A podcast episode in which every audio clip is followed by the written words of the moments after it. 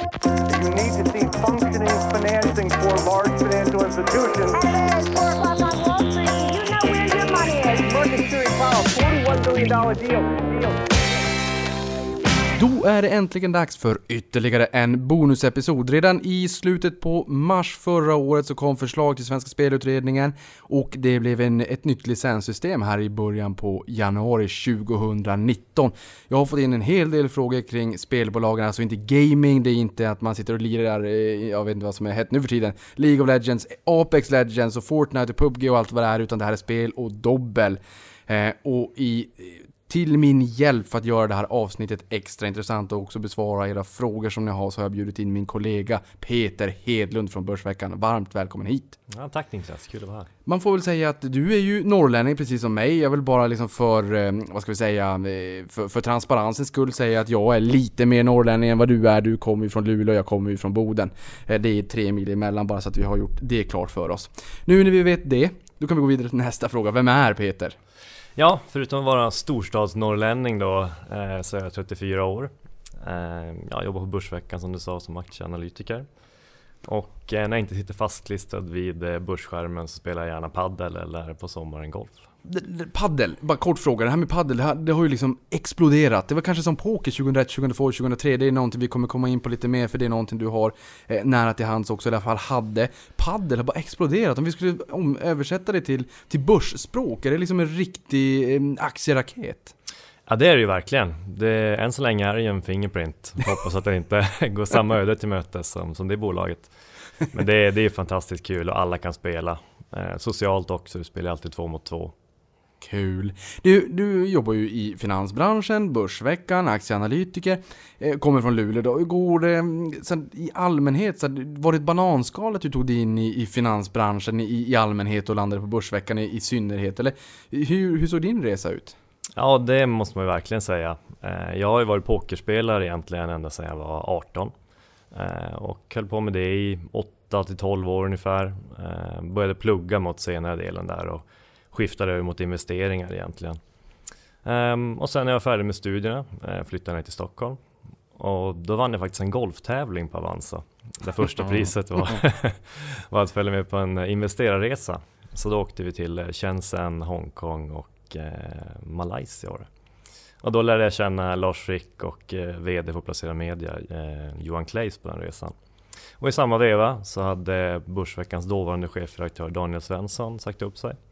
Så då fanns det en öppning där och då fick jag träffa Gabriel Iskander då, som är nuvarande chefredaktör. Skrev några provanalyser och vi pratade och sådär. Så att, eh, på den vägen är det. Och Daniel Svensson är ju fortfarande kvar i, i, i branschen hos eh, konkurrenten, va? hos Svenskan.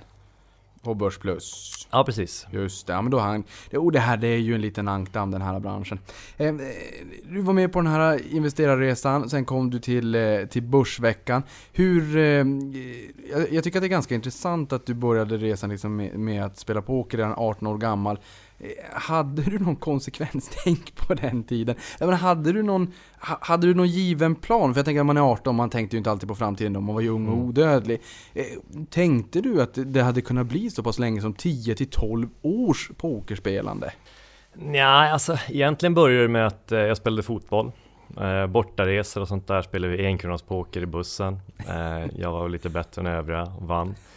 Och eh, sen var det några som tyckte det var riktigt kul så jag började spela efter skolan och kanske ibland även på skoltid.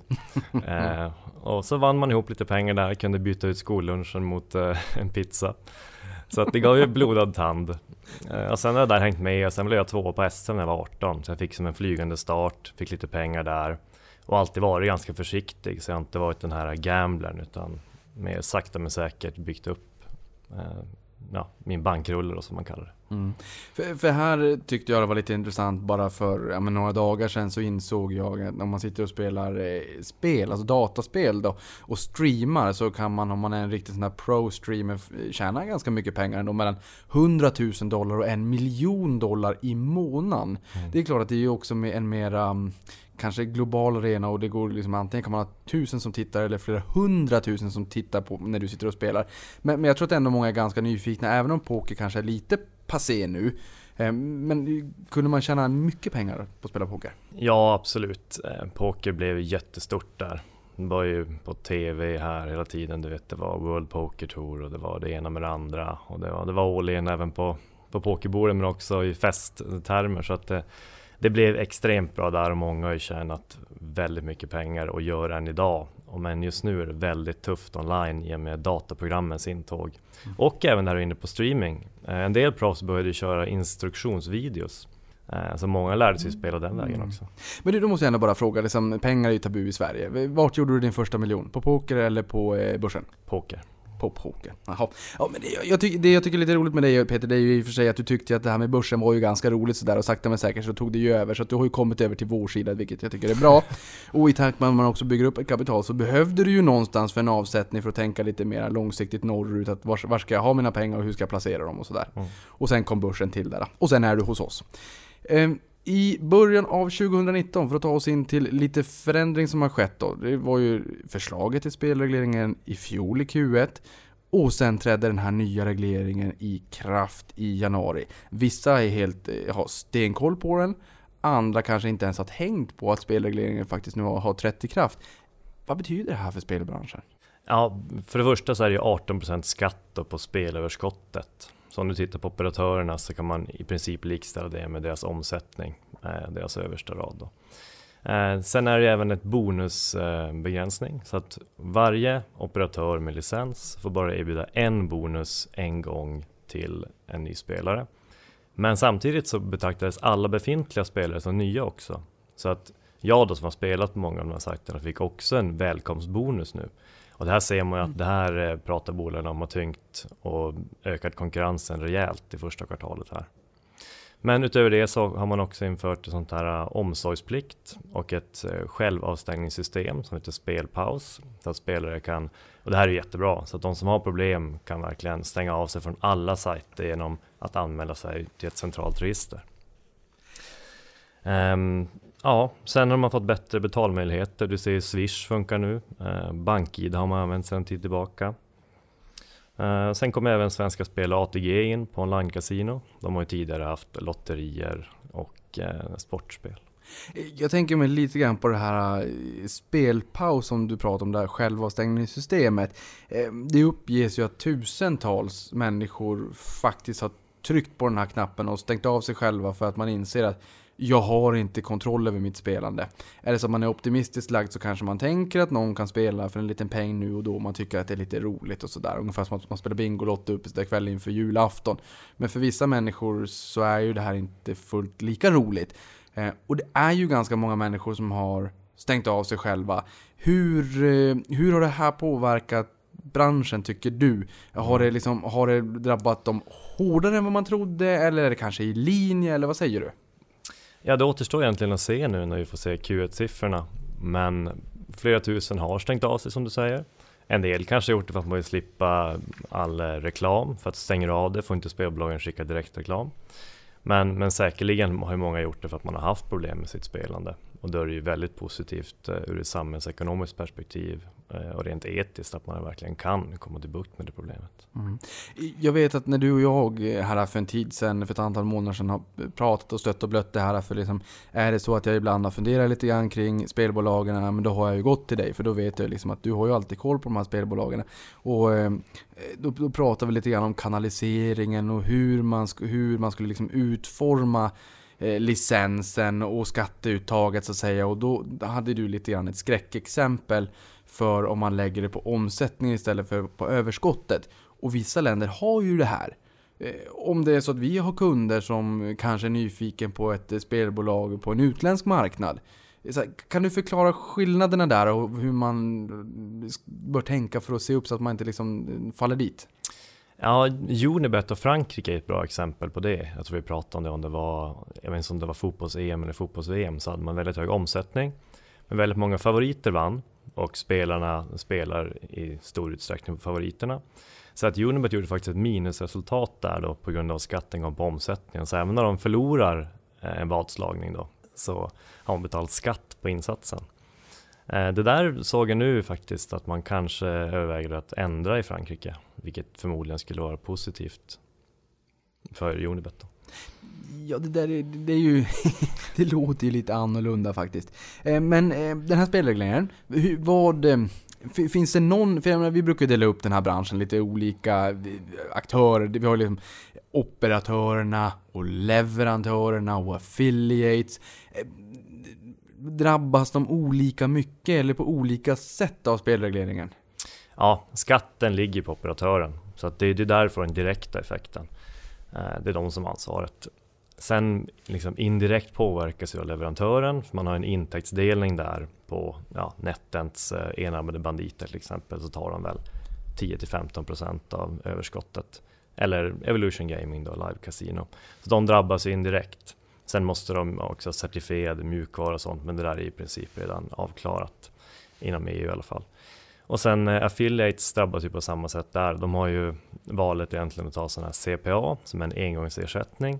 Eh, och den kan ju då tänkas bli mindre om spelarvärdet skulle gå ner när man måste betala skatt då från operatörens sida.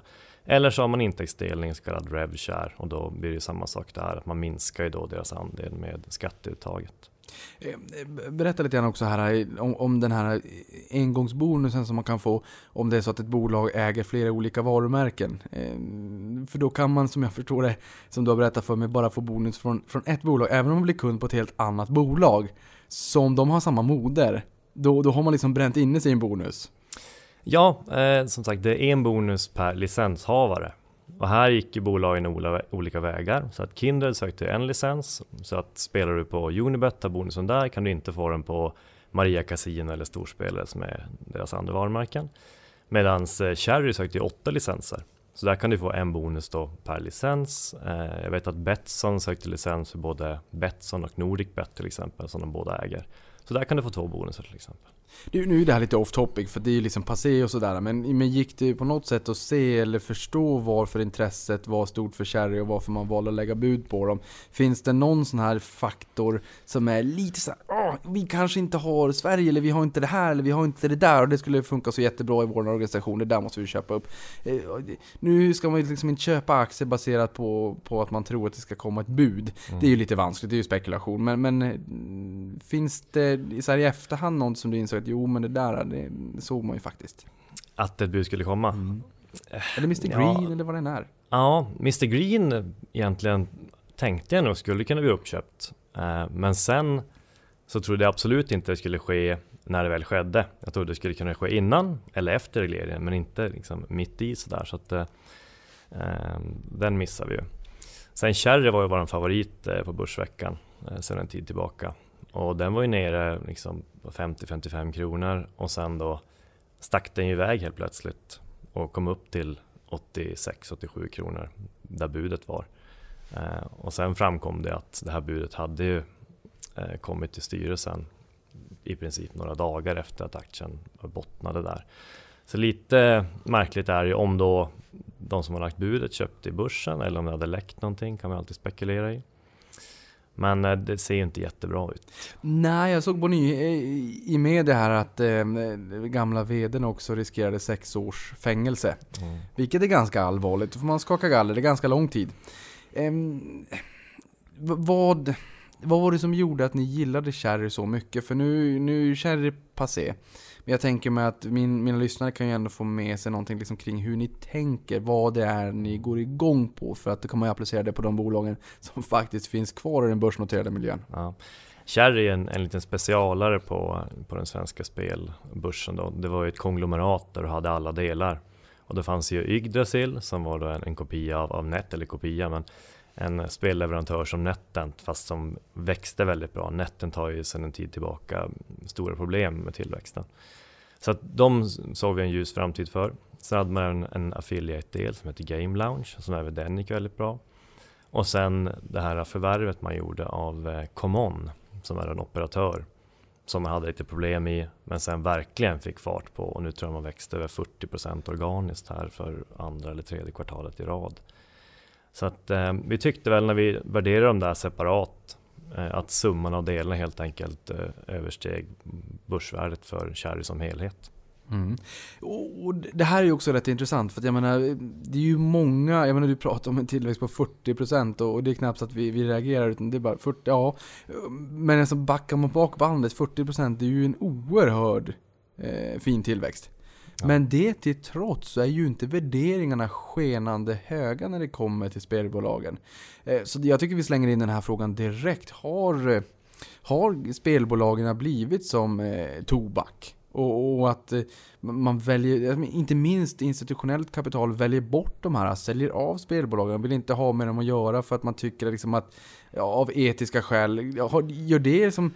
Nu, nu vet jag du tycker att eh, en, en multipel expansion, det är också spekulation. Det kan man inte heller räkna med. Mm. Men det är klart att de som köper nu kanske tycker, oh vad trevligt det hade varit med lite multipel expansion i alla fall. Hur kan man ha så låga multiplar på bolag som växer så snabbt? Är det den här liksom dåliga stämpeln de har fått på senare tid? Mm. Ja, 40% är högt även för spelbranschen ska ju tilläggas. Det är väl Evolution som kan matcha det kanske. Eh, men ja, även något, något av de mindre bolagen. Men, men eh, vad gäller multiplar så måste man ändå ha som utgångspunkt att du köper bolaget och du värderar det från de kassaflöden de genererar idag och de du tror de kommer generera i framtiden.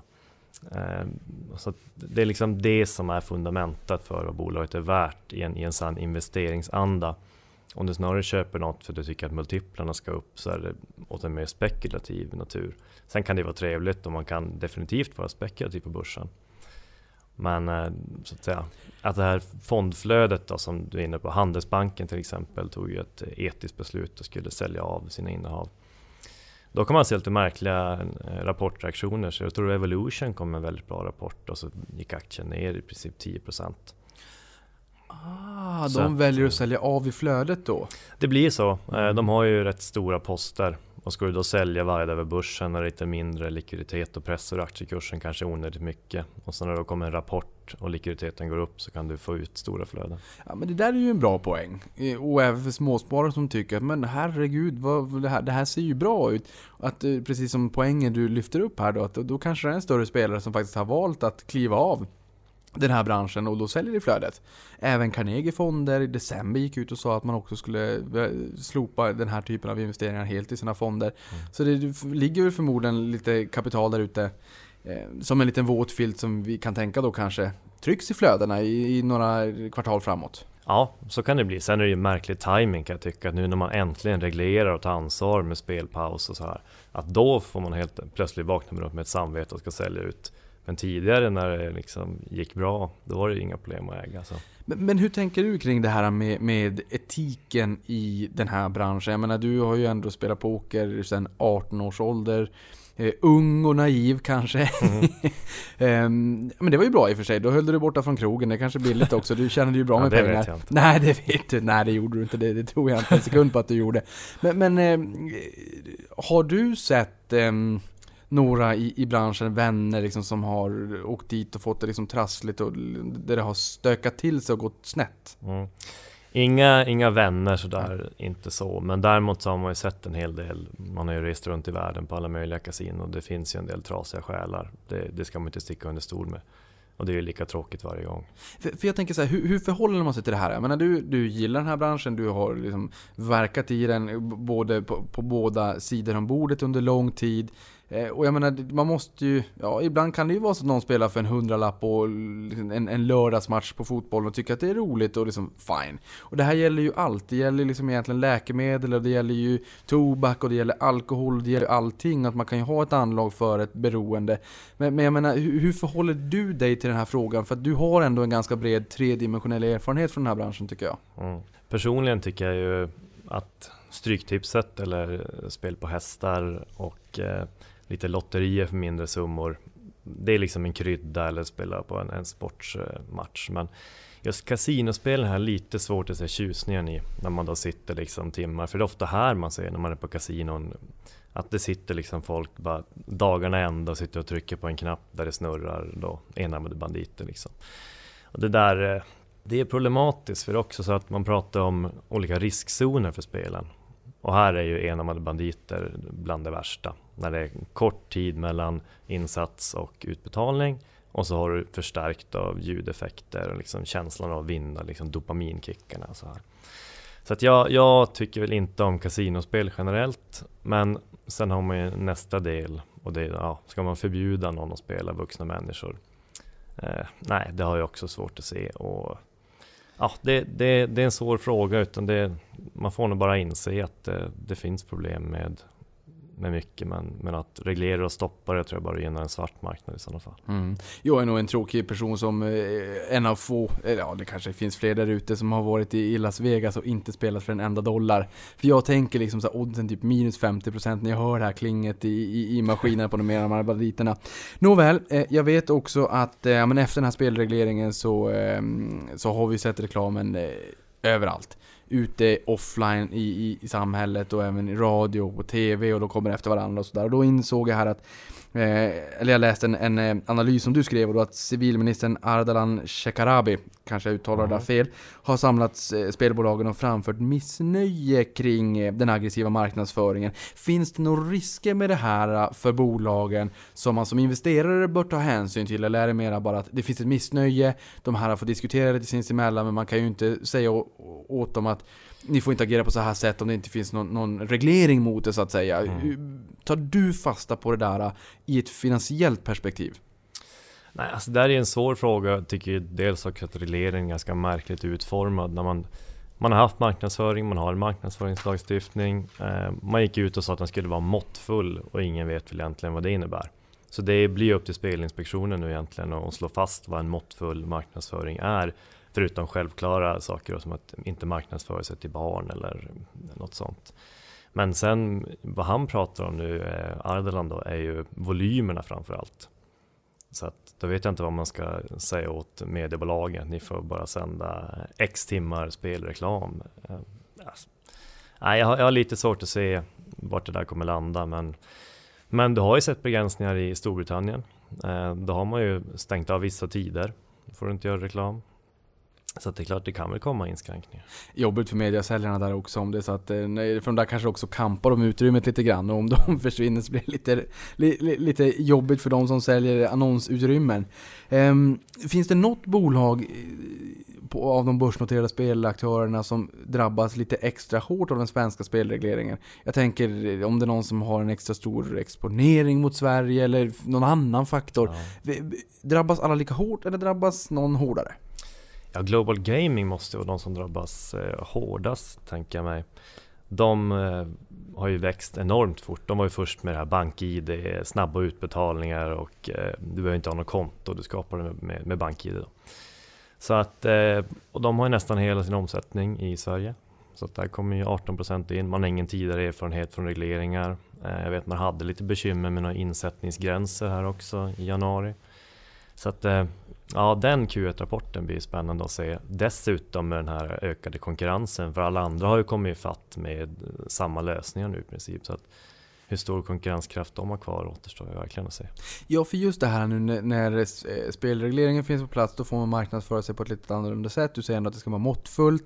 Men eh, jag har för mig att du också har berättat för mig att man tidigare inte fick köpa eh, sökord på Google i Sverige exempelvis. Mm. Och att det ändå finns större möjligheter till marknadsföring. Det måste ju ändå vara ett volymspel. Ja.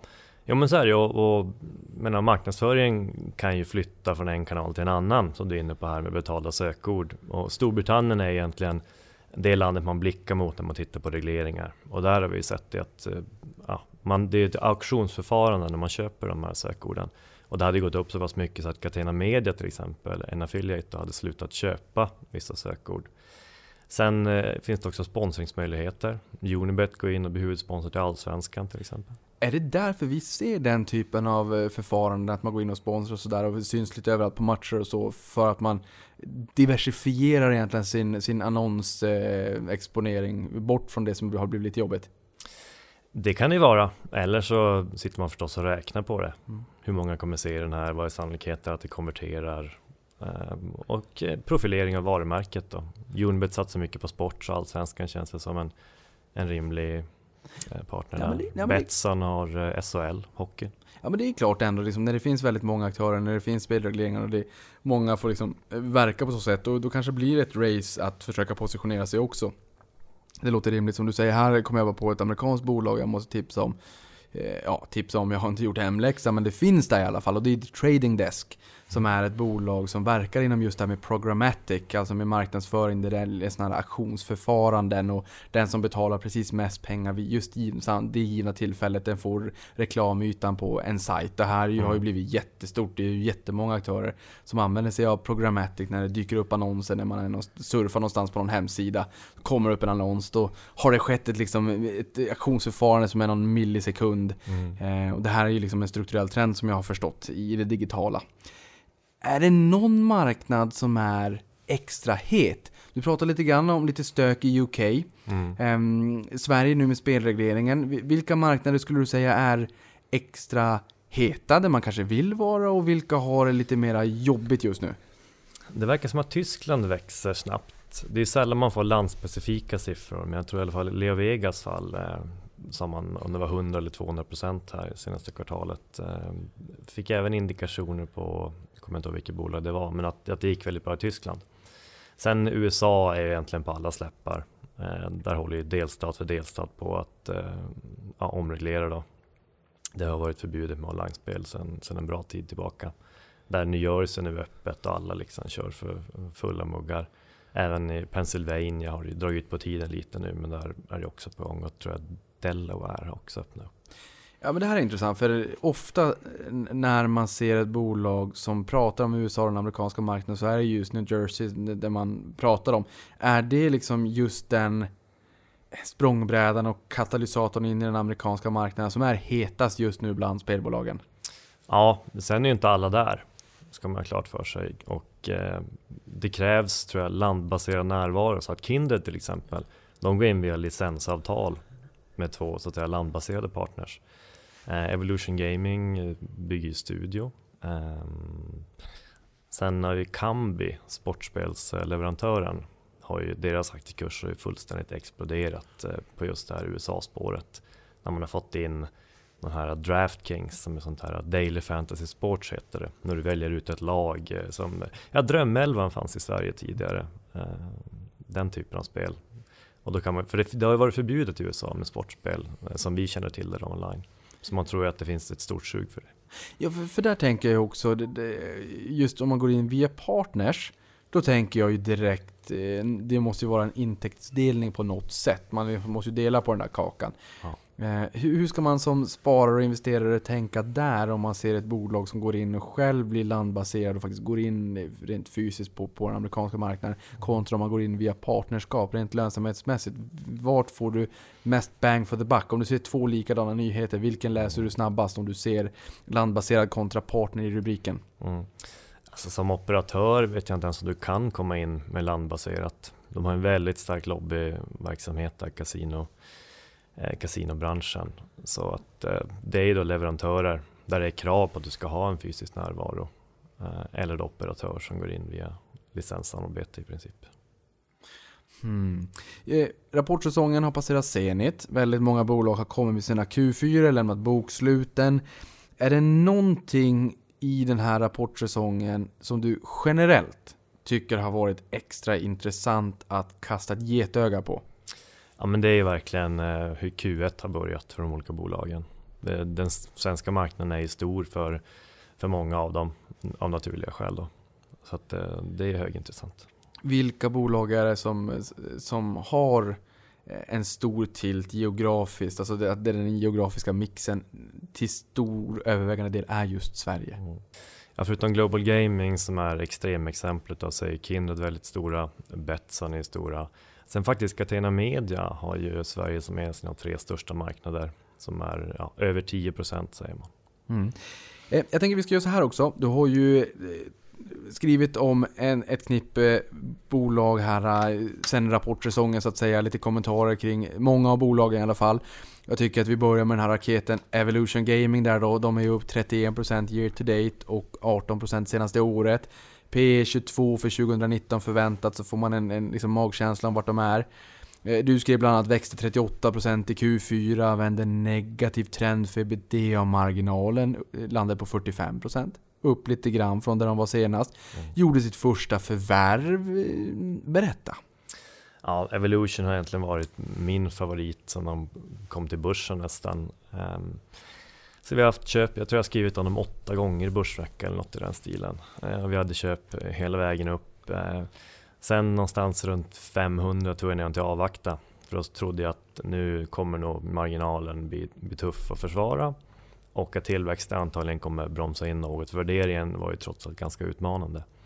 Men ja, man har verkligen fortsatt och, att kunna växa så här och dessutom vässa marginalen trots att man ändå, alltså, du bygger ju fysiska studior, det ska dit ny personal, det ska dit nya spelbord, så det är inte bara en helt digital produkt. Eh, samtidigt som man trodde att konkurrenterna skulle närma sig, men, men det har verkligen inte skett, utan man har, man har varit ja, formidabelt duktig. Men, men vad är det som har gjort att man har varit så duktiga? För jag menar, det är som du säger här, man ska bygga studios. Det, är, det är inte 100% skalbart, det är inte 100% digitalt. Mm. Ja, skalbart är det, men det finns liksom en latens i det hela. Det, det, går liksom inte att bygga upp en ny studio från en dag till en annan, utan det tar ju lite tid. Och många har ju känt att nah, men, men liksom, det, vad är vallgraven egentligen i Evos fall? Och det är väl klart att Nettan kommer komma ikapp och springa om och sådär. Eh, här för något år sedan. Men, men sen visade det sig att det är någonting som, som har gjort att de ändå har en vallgrav. En förvaltare exempelvis, eh, Johan Thorén på Strand, han sa att det var inte förrän jag åkte till Riga och såg studion som jag insåg vallgraven. Mm. Eh, vad, vad, kan du dra för reflektion så här i efterhand i förhållande till, nu har du skrivit om dem åtta gånger, men från början egentligen till nu när man inser att ja, men det är någonting de gör. Ja, alltså Dels gör de ju så att de traditionella spelen bra, och har fått det att fungera, som kanske inte har gått helt smärtfritt fram för, för övriga i början. Sen är de också väldigt innovativa, så det är nya spel hela tiden. Det är inte bara blackjack och roulette där, utan det är den här Dreamcatcher som är någon typ av gameshow med ja, hjul som snurrar och sen ja, lightning roulette. Och, så att man är, man är innovativa och eh, ledningen säger också att man är besatt av att eh, liksom, fortsätta utöka försprånget mot konkurrenterna. Man är livrädd för att de ska hinna ifatt. Ja, och i, i det här fallet, Norden står för mindre än 9% av topline har du skrivit här i mm. liksom en rapportkommentar också. Um, det, det tolkar jag väl liksom som att nu är det lite annorlunda. Så det, spelregleringen och skatten det landar ju i slutändan på operatören. Det är klart att det påverkar ju leverantören också. Men, men i det här fallet då, 9% av topline i Norden. Eh, kommentar på det?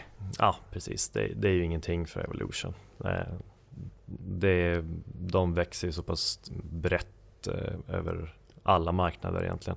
Om än man faktiskt fick en lite mer gynnsam eh, intäktsfördelning här. Man har ju höjt ett varningstecken för att det är lite asiatiska marknader, kanske lite gråa eller rent av svarta marknader som man benämner övriga eh, världen. Det segmentet har faktiskt 2% andelar mindre än tidigare då övriga Europa gick fram. Kanske Tyskland då, i och med att den ja, verkar gå bra. Ja, nästa bolag, Betsson, på tal om grå marknader och sådär. Betsson mm. har ju varit lite jobbig historiskt, så de vill kanske förvärva bolag till låga multiplar och sådär. Och i oreglerade marknader så tänker man, när det där blir reglerat, då blir det hissen upp till, till, till en fin värdering. Lite grann som Arne Karlsson och den svarta lådan 2000 på Ratos. Mm. Eh, 1,29% year to date på Betsson, 11,6 om vi tittar eh, ett år bakåt. P 11,5 på 2019 förväntat. Du tyckte att det var en bra rapport. Organisk tillväxt på 12%. Marginalen steg dessutom mm. till 23,8%. Förnyad oro kring eh, nederländska marknaden som väntar, väntas då rösta om en reglering. Och här skrev du också att man eh, förväntar sig en eventuell exkluderingsperiod för bolag som har brutit mot reglerna tidigare och utmanade start på eh, året i Sverige. Mm. Ja, Betsson var ju en lysande stjärna länge. Eh, men sen har haft en väldigt trög utveckling, framförallt tillväxten var ju dåligt som du ser. Förvärven har inte riktigt blivit vad man, vad man tänkte sig. Um, och sen har det varit att Turkiet har varit uh, bekymmer och sen nu då fokuserar man på Nederländerna. Som jag såg bara precis innan vi gick in här så har man faktiskt röstat nu. Jaha, eh. vilken bra timing den här podden blir. Ja. Berätta, vad sa man? Eh, så att, röstar man? man röstade igenom förslaget. Det var ju godkänt sedan tidigare av den ena kammaren och sen har det dragit ut på tiden och nu godkände andra kammaren. Och då väntar man sig att det här kommer träda i kraft eh, 2021 i första kvartalet. Eh, skatten är 29% som väntat, eh, vilket det kommer att svida.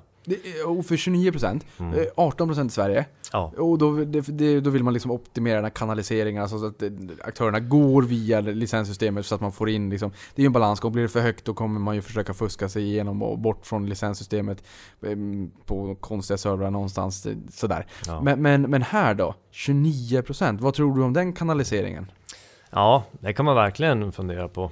För det är högt och dessutom så det klubbades inte igenom. Men i takt med att man röstade för regleringen så fanns det även, tror jag, sex mindre säga, saker man eh, röstade om och diskuterade. Och där ingick också en sån här så kallad blackout-period. Där man kan utesluta eh, aktörer som har riktat sig mot den nederländska marknaden. Och Betsson har ju faktiskt ett dotterbolag, Corona, som bötfälldes för just det. Och eh, ja, då Det skulle det kunna bli så att man inte får licens första två åren. Men det är ingenting som så att säga är klubbat och spikat utan det var någonting som man hade med där vid sidan om. Och samtidigt så diskuterar man också möjligheter till att eh, blockera webbsidor. Okej.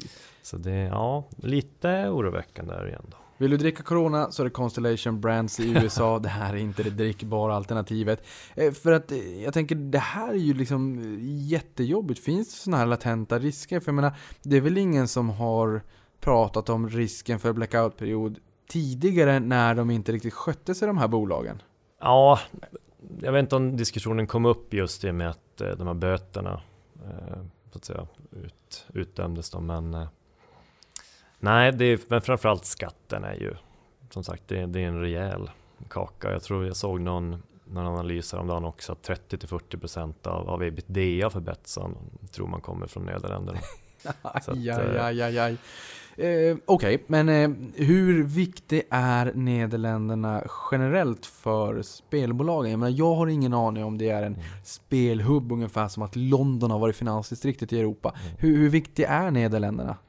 Jag tror den är ganska viktig. Jag vet att för Kindred var den nog närmare 20% för några år sedan. Man, ja, man avslöjar ju inte hur stor den är då, men, men den är nog, nog eh, inte försumbar. Eh, Andra marknader, jag tänker Georgien, där förvärvade man ju billigt, eh, billigt på pappret. Och sen så hade man ju även Norge som har stökat till det med, lite grann med valutan och sådär.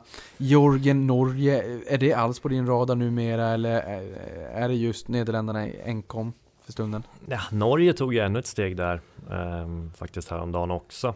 När man pratar om att eh, man vill att man blockerar de här tredjepartsleverantörerna av, av betalningar då, som är Trusty till exempel. Um, men Men, men då måste jag nästan fråga så här, hur, hur förhåller du dig till den här risken? Alltså, det låter nästan som Ryssland och risk för, för nya sanktioner. Alltså det är på sitt eget lilla vis att säga, men, men att det är en bransch ändå där det finns Ehm, ett driv, alltså ett, ett, tryck då mot eh, licenssystem och spelregleringar så att säga. Och, ehm, och då vet man ju inte riktigt hur, hur de utformas och vad skatten blir och vad kanaliseringen blir och om det finns blackout-perioder och sådär. Hur förhåller du dig? Går det att förhålla sig eller är det bara så att ja, jag får ju ta, jag får ta ställning till när det sker och hur jag tänker då liksom? Ja, men det där är en jättebra poäng, för tidigare pratade man om att det är så mycket oreglerade marknader och risk för att det stängs ner, det kommer skatt och regler. Att har man reglerade intäkter så är de betydligt tryggare och ska uppvärderas också. Men det vi har sett nu är att man, man höjer skatterna, man försämrar villkoren på redan reglerade marknader. Så att eh, ja, man ska nog ta sig en funderare om, om reglerade intäkter verkligen är värda så mycket mer än oreglerade. Hmm. Ja men du är ändå som har lite känningar, eller din poker var ju länge sedan i och för sig och du kanske inte sitter och spelar på kasino, det hoppas jag, du sitter framför börsen hoppas jag. Men alltså finns det någon risk för anomalier eller för att det poppar upp eh, andra typer av aktörer eller aktörer som är, är bortom licenssystemet eller att det poppar upp, eh, inte vet jag, svartklubbar som sitter och spelar Casino kanske blir svårt, poker är ju förlegat. Inte vet jag, blackjack. Ta frågan som du vill. Ja. Ja, det är väl egentligen sådana här enarmade banditer som är den största svarta marknaden skulle jag tro. Och det, det kommer ju finnas eh, ja, även, även spelsajter. Då. Men, men det ska man veta som spelare i Sverige. Om du spelar på en spelsajt utan licens så är det inget brott. Men du ska betala 30% i vinstskatt då, som inkomst av kapital om du då skulle vinna. Okej, så du ska ta upp det på din deklaration? Ja, Ja, och det är också kanske bra att påminna även de här kryptospekulanterna som också eh, köper och säljer kryptovalutor om det nu inte rapporteras in. Nej, det var väl något Skatteverket skulle titta närmare på i år. Jajamensan, det är det. Ja. Eh, nåväl, intressant. Nästa bolag är också ett intressant bolag som har diskuterats och debatterats flitigt i social media och det är ju Leo Vegas. Mm. Eh, minus 8,45% year to date, minus 63% senaste året, P 1995. Ja, bara för att ha två decimaler hade det kunnat säga 20 i, i år och 2019 förväntat. Och 12,44 på nästa år förväntat. Anledningen till varför jag tog med mig både i år och nästa år var för att det ändå var så pass stor skillnad bara så att jag vill förtydliga det lite grann. Mm. Man förväntar sig att den faller ner i värdering ganska mycket till nästa år då. Eh, I och för sig kommer det ungefär in line som, som Betsson handlas i år förväntat. Eh, här skriver du då svag rapport men växte organiskt med 7% i Q4 och 14% om vi exkluderar problematiska marknader i UK. Kommer vi in på UK återigen där? Ja. Eh, Vi börjar där. Varför är UK problematiskt? ja, men där har ju verkligen regleraren vaknat upp och, och insett att, att det måste göra saker. Så där pratar man om så här, source of income, så du måste ta reda på mer om din kund, en sån här KYC, know your customer kontroll, eh, antipengatvätt och så de här reklambegränsningarna vi var inne på. Och sen så ska man även höja skatten på eh, kasinospel, inte sport. Men eh, kasino, och Leo Vegas är en kasinotung operatör, jag tror 90% av intäkterna ungefär är kasino. Så att, eh, ja, och sen har man även gått på eh, operatörerna den vägen att om du har en affiliate som marknadsför deras varumärke så blir du också ansvarig för vad affiliatesen gör med ditt varumärke. Aha. Ja, det där måste ju vara lite jobbigt. Vilka fördelar finns det med att lägga ut, eh, att, i, liksom, när man var i, i utlandet när man var liten så fanns det ju såna inkastare som försökte dra in en till butiker och basarer och sådär. Vad, vad finns det för fördel, bara så att vi reder, reder ut det, för operatörer att faktiskt använda sig av externa affiliates och inte göra det här själv? Ja, den stora fördelen är att de betalar ingenting förrän de väl får in intäktskronorna. Eh, Så att, ja, en affiliate helt enkelt lockar in spelaren till operatören och sen då förlorar han sig 100 kronor, ja, då får de mellan 30 och 50 av de kronorna. Eh, eller så har man då en, en fast ersättning när kunden väl sätter in pengar. Så att eh, du betalar ingenting förrän du har fått en kund. Men de två, antingen om man får upfront en fast summa eller om man får en del av, förlusten för kunden då. Hur länge håller det i sig? Är det liksom första dagen, månaden eller är det liksom någon form av royalty för all evig framtid?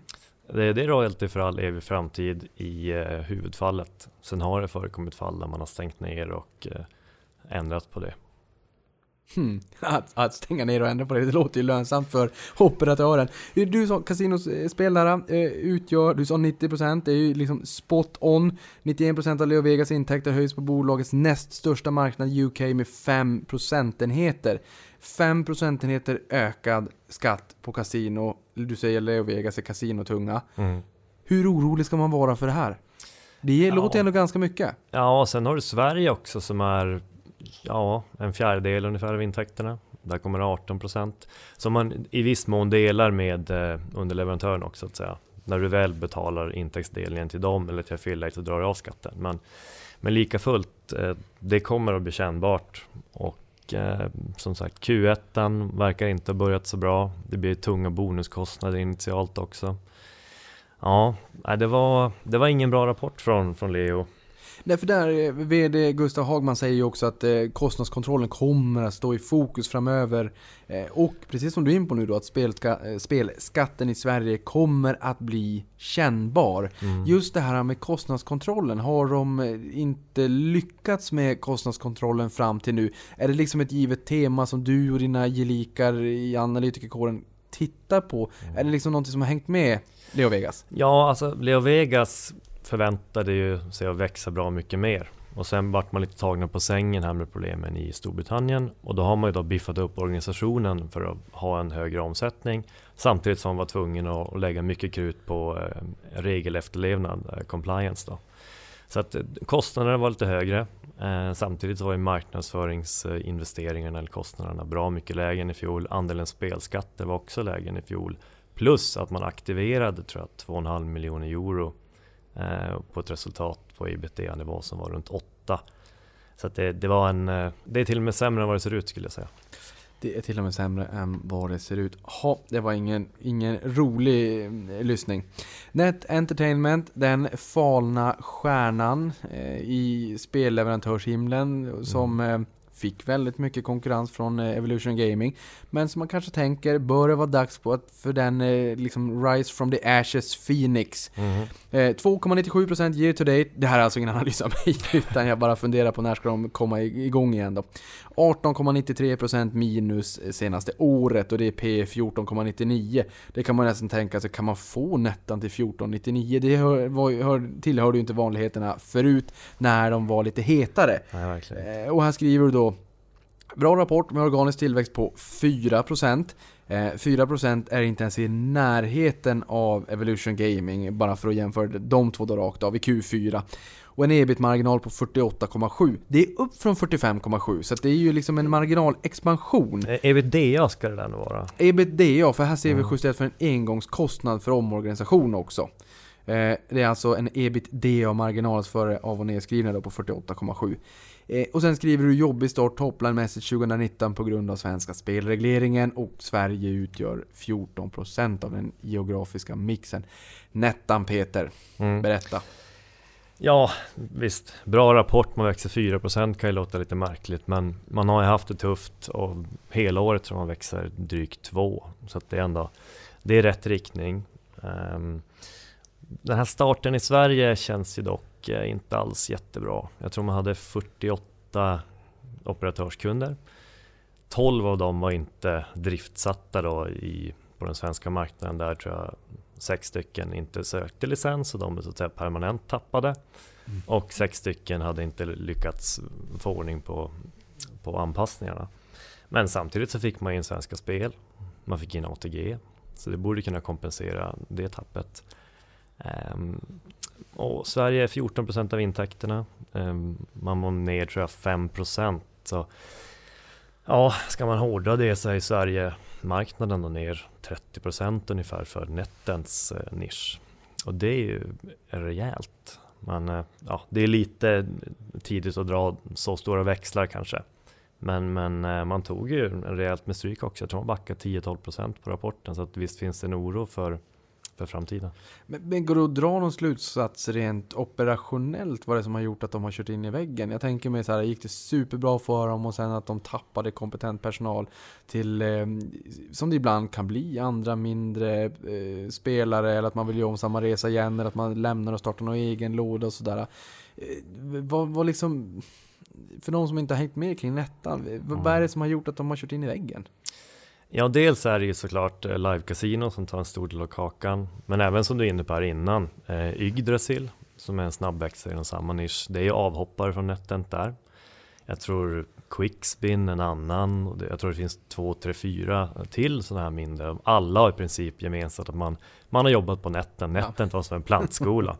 och risken är väl då att de lite mer entreprenör, entreprenöriellt lagda och eh, duktiga valde att starta eget. För det är inga större inträdesbarriärer sen då. Nej, man, man blev lite eh, för stor kanske. Ja, det är ju återigen ingen analys av mig, men vi hoppar vidare till eh, nästa bolag helt enkelt. Också en snackis i social media och det är, på tal om media, Catena Media. Eh, Göteborgs humor. Eh, den har backat 27% i år och har backat 44,9% senaste året. Och här har vi då en prislapp på P 10,8 förväntat i år och 8,7 förväntat eh, 2020. Jag gillar ju siffror. P8, det är alltså där Stockholmsbörsen vände under finanskrisen då. Det betyder ju inte att det här är köpvärt för det, det kommer vi höra vad du har att säga. Men du skrev då svagt bokslut trots att Q4 är då det säsongsmässigt starkaste kvartalet för bolaget. Eh, sämre tillväxtmöjligheter och högre kostnader. Men Öresund och hedgefonden Bodenholm har köpt in sig rejält. Det kan ju vara int- intressant att utveckla. Och VD Per Hellberg säger att vi kommer att se stärkt marginal 2019 och köpte aktier för 4 miljoner här i samband med rapporten. Eh, vad säger du om Catena Media? Ja, Catena Media är ju ett, ett spännande bolag tycker jag. Men den här Q4, alltså man växte inte sekventiellt. Eh, och då är ju som du sa, Q4 trots allt det säsongsmässigt starkaste dessutom. Men även här var det problem i UK. Jag vet att två operatörer eh, la ner verksamheten. Man pratade om att en annan eh, slutade köpa trafik helt enkelt i oktober. För man hade gått över budget under fotbolls-VM vill jag minnas. Eh, och samtidigt så var det de här betalda sökorden då.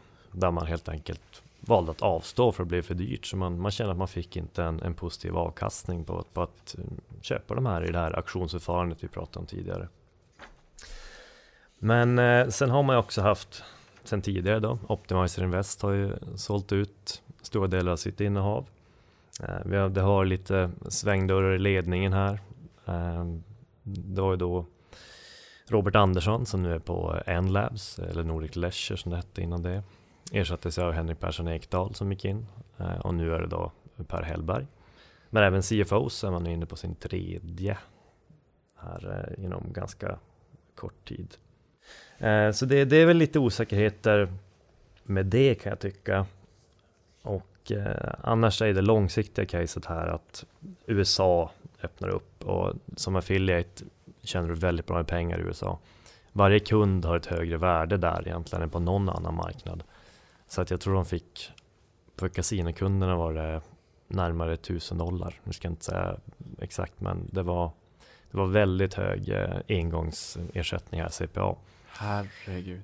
Eh, för det är den man då får där. Sen måste man ha en separat licens för att vara på intäktsdelning, sån här RevShare då. Och än så länge är det ju framförallt New Jersey som är marknaden där. Men, men i takt med att det öppnar upp är det såklart stor potential. Och det här pratar också Bodenholm till exempel om, men även Öresund då, som, som egentligen har köpt stora delar av, av gamla huvudägaren Optimizers eh, innehav. Men du, jag tänker på det här med eh, en större ägare, exempelvis Betsson pratade vi om alldeles nyss här, om vi hoppar tillbaka till den. Pontus Lindvall. Han har ju hoppat in eh, som ordförande, eller som VD då, i ett flertal till, tillfällen när VD har slutat. Eh, hur ser du på det? Är det bra att Pontus Lindvall som känner till rörelsen och bolaget hoppar in som VD? Eller är det så här, jaha, inte en gång till? Är det VD och ordförande som inte kommer överens? Så som vi har även i andra bolag, vi behöver inte nämna några namn.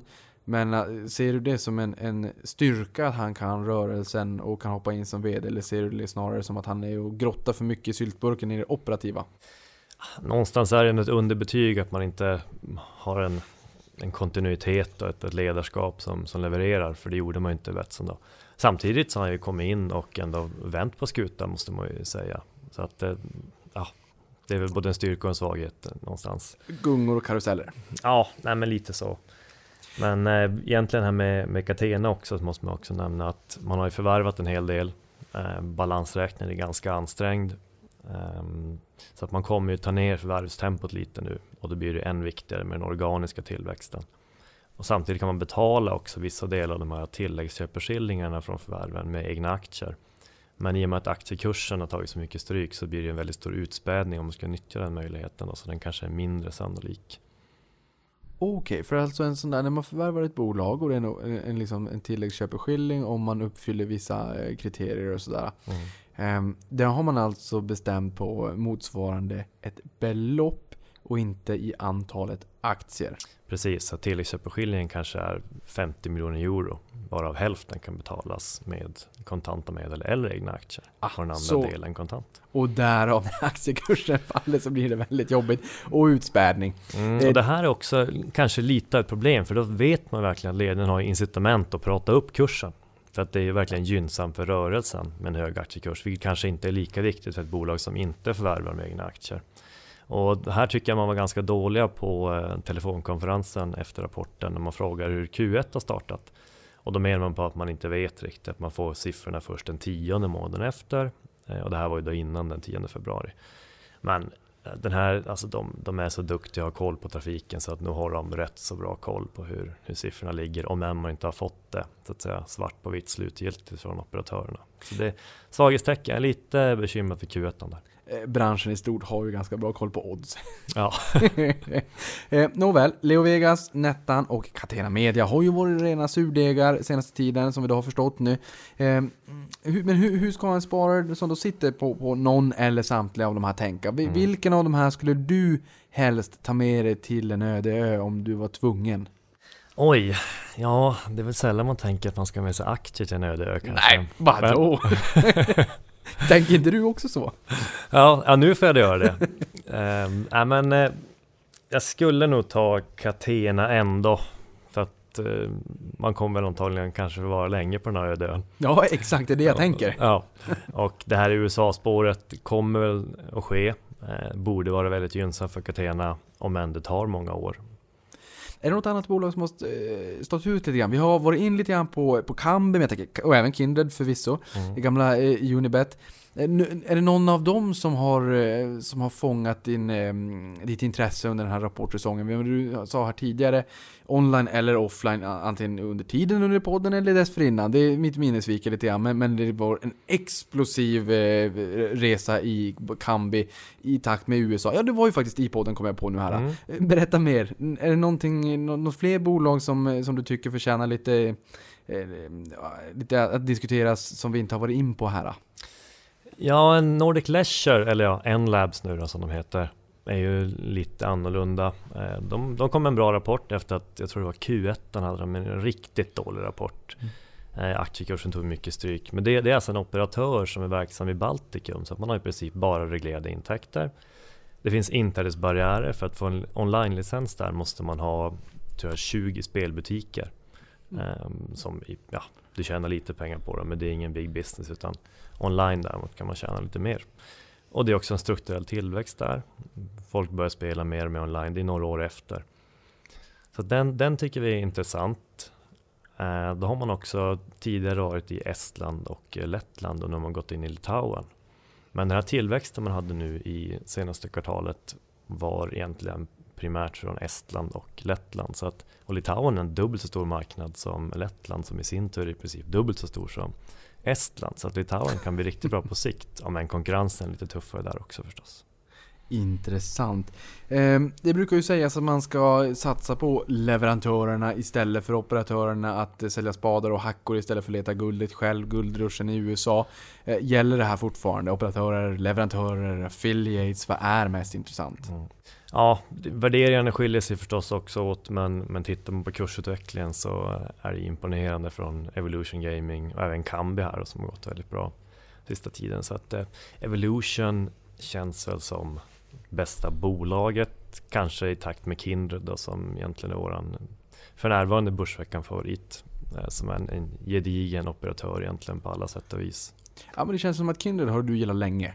Ja, så det, det måste ju ändå finnas här liksom bestående kvaliteter i det bolaget som eh, Även om det kommer ett sämre kvartal någon gång, allting är ju relativt här i världen. Så att i, liksom, i den lilla eh, spelbolagsankdammen så, så har de kvaliteter som appellerar dig. Ja, precis. Man har en ganska jämn fördelning mellan kasino och sportspel. Man har väl diversifierat geografiskt. Man har Henrik Tjärnström som har gjort det väldigt bra nu i ja, säkert 7, 8, 9 år. Eh, man känns lite som nya Svenska Spel faktiskt. Det var ett väldigt fint betyg. Ja, vi- det är lite sådär folkligt. Jag tror att man, man kommer fortsätta göra bra ifrån sig. Man har förvärvat framgångsrikt. Man har varit med om omregleringar, avregleringar i flertalet marknader.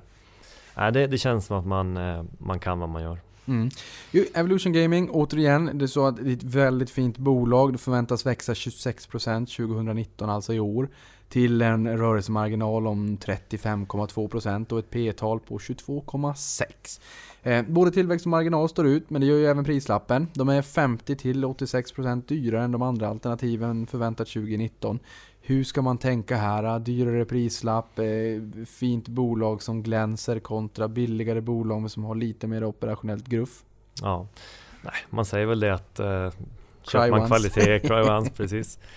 Men eh, det är klart, det, det finns ju ett, ett, eh, ett motiverat pris på allt och det, det, det är ju framtida utveckling som kommer att avgöra. Frågan är ju om man då kommer kunna fortsätta växa och hålla uppe marginalen. Då är det ju värt att betala avsevärt mer för dem om man fortsätter så. Men jag har ju haft fel nu det sista året. Så de har ju ja, presterat mot, ja, överträffat mina förväntningar. Så att, eh, ja, det, det är svårt, men det är ett väldigt fint bolag.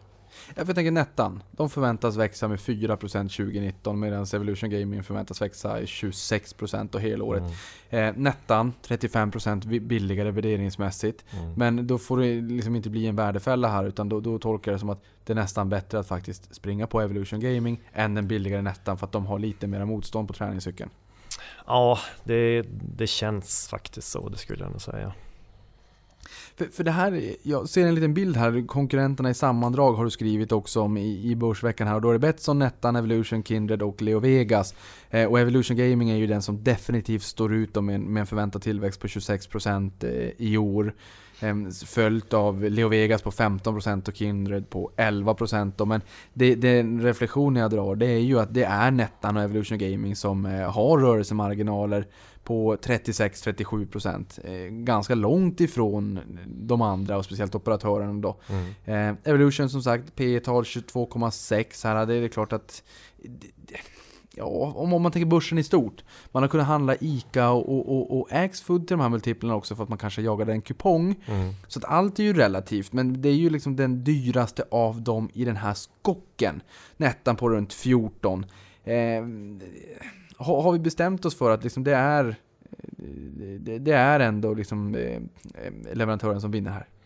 Ja, alla och alla, men Evolution står ju faktiskt ut som, som den lysande stjärnan i sektorn. Och det är som du säger, det är, det är inte fruktansvärda multiplar här. Alltså, det har ju tidigare varit uppe på 40 gånger multipeln för netten till sina glansdagar till exempel. Så att, och 26 procent, man växte ja, som sagt 38 procent i Q4 den här. Man kan nog fortsätta växa på bra. Men eh, ja, inga träd växer till himlen ska man ju komma ihåg. Om det, ja, utan med lite floskler här då. Men Exakt, det är en viktig påminnelse. Eh, och på tal om det, eh, finns det något bolag som du tycker att man ska vara lite extra försiktig med? Om man får välja ut ett eller några bolag som du känner att mm, man behöver inte springa in i det där. ja, jag har väl lite svårt för Betsson. Eh, Det här med Nederländerna, man har sedan tidigare problem med Turkiet. Eh, Nu är man ju på bättringsvägen. Eh, Som sagt, man växer ändå 12% vässade marginalen. Så att, men ah, lite tveksam där. Tycker jag också Global Gaming kan bli lite av en rysare i, i Q1. Um, ehm, ja, Leo Vegas också lite kluven. Ehm, ja, jag tänker någonting annat som jag har sett, eh, det är ju ATG och Svenska Spel och, och i, i takt med, liksom, med, med spelregleringen. Nu, nu ska ju de in på eh, kasino. Jag tror att jag, jag vill minnas att jag såg ATGs reklam för deras kasinosatsning. Eh, Då, då tänker man ju direkt, aha, du har pratat mycket om kasino och eh, Evolution Gaming. Mm. Hur påverkas leverantörerna av att de här giganterna, alltså Svenska Spel och ATG, ska in och, och kampas i det här? De måste ju också ha spel och den kan ju inte sitta och koda det där själv. Nej då, eh, Evolution, eh, Netent, eh, de levererar ju till ATG Svenska Spel. Men som vi tidigare var inne på, Sverige är en väldigt liten marknad för Evolution. Så att inte någon materiell påverkan. Ingen materiell påverkan. Hur sparar du själv då? Jag sparar eh, Och lite... säg inte i, blogg, inte i poddrullen, eller bloggrullen eller vad det heter i pokervärlden, utan på börsen. Mm. ja, exakt. Ja, nej det, det ligger på börsen mycket. Jag har ju två lägenheter, så det, det är också en del där. En i Luleå, en i Stockholm. Fastighetsmagnat. Ja, precis. Ehm, nej men annars, faktiskt största innehavet har varit Victoria Park. Eh, och inte då som, som en aktieinvestering, utan det var egentligen att de, de ligger ju under bud. Eh, så att den kunde jag köpa för 34 kronor. Budet var på 38 och då har man då en option på att ta in eh, Dan Olofssons aktier och den måste man kalla på i maj och gör man det går man över 90% och då tvångsinlöser man resterande ägare till 38 kronor då.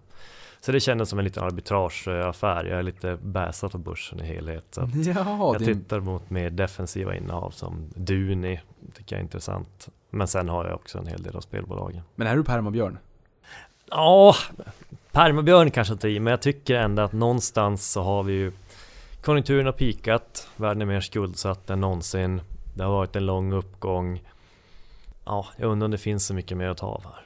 Ja, Jag kommer ihåg Victoria Park för ett antal år sedan där när det var livsstilsboende i Kalkstensbrotten i Malmö eller Falkenberg. Där, någonstans där. Det här med livsstilsboende har inte riktigt slagit i Sverige men det är liksom ganska spännande koncept runt om i världen. Jag tror att det finns någon sån här, eh, det här är en utsvävning men det finns ett livsstilsboende någonstans i Sverige på lite olika ställen. Det är som en stor kupol och sen är det lite subtropiskt där inne med lite palmer och växter och lite vattenfall. och- Ja, om det nu var vattenfall, nu kanske jag överdrev. Och så bor det underbart. pensionärer där. Mm. Ja! Och spelar de boll och allt möjligt sådär. Det heter någonting, jag kommer inte exakt ihåg i talande Mm. stund vad det heter. Eh, Duni, eh, där, eh, de, de gjorde ett förvärv i Australien nu för en tid sedan. Eh, vi hade med Johan Andersson från Mellby Gård i uppesittarkväll här ganska nyligen. Ja. Och då hade de precis gjort det här förvärvet av hållbara engångsartiklar. Mm. Alltså bestick och, och servetter och pappersmuggar och allt vad det är. eh, Alltså biologiskt nedbrytbara då. För man Mm. går ifrån den här trenden med plastsugrör. Det gick ju enormt snabbt i social media till att smutskasta bolag med, Ja. som hade plastsugrör till att de skulle ta bort och allt vad det är. Är det en spännande trend? För i du ni tänker man, ha, det står och stampar, men jag menar, det kan ju få en riktig renässans. Ja, Duni, även om vi ska prata tråkbolag så är väl Duni ett typiskt tråkbolag. Men man är väldigt motståndskraftiga mot en sämre konjunktur. Eh, jag tror man backade 3% omsättningen i finanskrisen eller något i den stilen.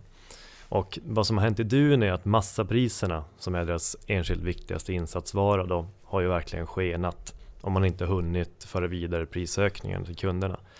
Det gör man ju nu. kommer första effekten i, i första, men det kommer en effekt i Q1 och sen kommer man fortsätta höja då. Så jag tror att marknaden inte riktigt har insett att den här marginalen kommer att stiga och att Duni ändå är ett väldigt tryggt defensivt innehav som kanske värderas till P15 och då har du kanske Axfood runt P20 och där växer man inte heller. Så Nej, det är intressant. Det där har jag hört argumentet när det kommer till Essity också, just de här Mm. massapriserna då. Eh, sen har vi sista frågan här då, och det blir ju en eh, Twitterfråga från Gentlandic Invest eh, som skriver så här. Hej Niklas! Fråga gärna om åsikten kring Aspire Global. Aspire har bra diversifiering av intäkter och har snarare en möjlighet på den svenska marknaden istället för en risk. Eftersom de då är så små här i Sverige för tillfället. Vad säger du? Mm. Aspire så de växte väldigt bra här nu, senast har växt bra ja, senaste året i alla fall. Men det, det är en plattformsleverantör. Eh, jag skulle faktiskt träffa vdn där men vi fick inte ihop våra, våra scheman så att jag har, har väl ingen initierad åsikt nu, det är nog ett år sedan jag skrev om dem. Men, men en liten frågeställning jag har är att ska man in på svenska marknaden då, man säger, det, det är inte en enormt stor marknad för dem, men likväl så är det ju en bonus per licens. Man har en licens, så har man då tio operatörskunder så kommer inte alla de här kunna erbjuda bonus till sina kunder och det är ju ett jätteproblem. Intressant. Eh, och då fick du svar på den frågan också, Jämtlandic Investara. Och eh, när du då har träffat vdn här, då kanske du får skriva en liten kommentar eller två vart man hittar den där. För är det så att man vill följa dig, då hittar man ju dig på Twitter, på Blazing Hedlund. Eh, Så får, vi, får man se där när du då har träffat, om det nu blir i närtid eller i någorlunda närtid i alla fall. Peter, stort tack för att du kom till podden och gjorde oss lite klokare kring den svenska spelregleringen och hur vi ska tänka kring den här typen av bolag. Tack! Tack själv, kul att vara här.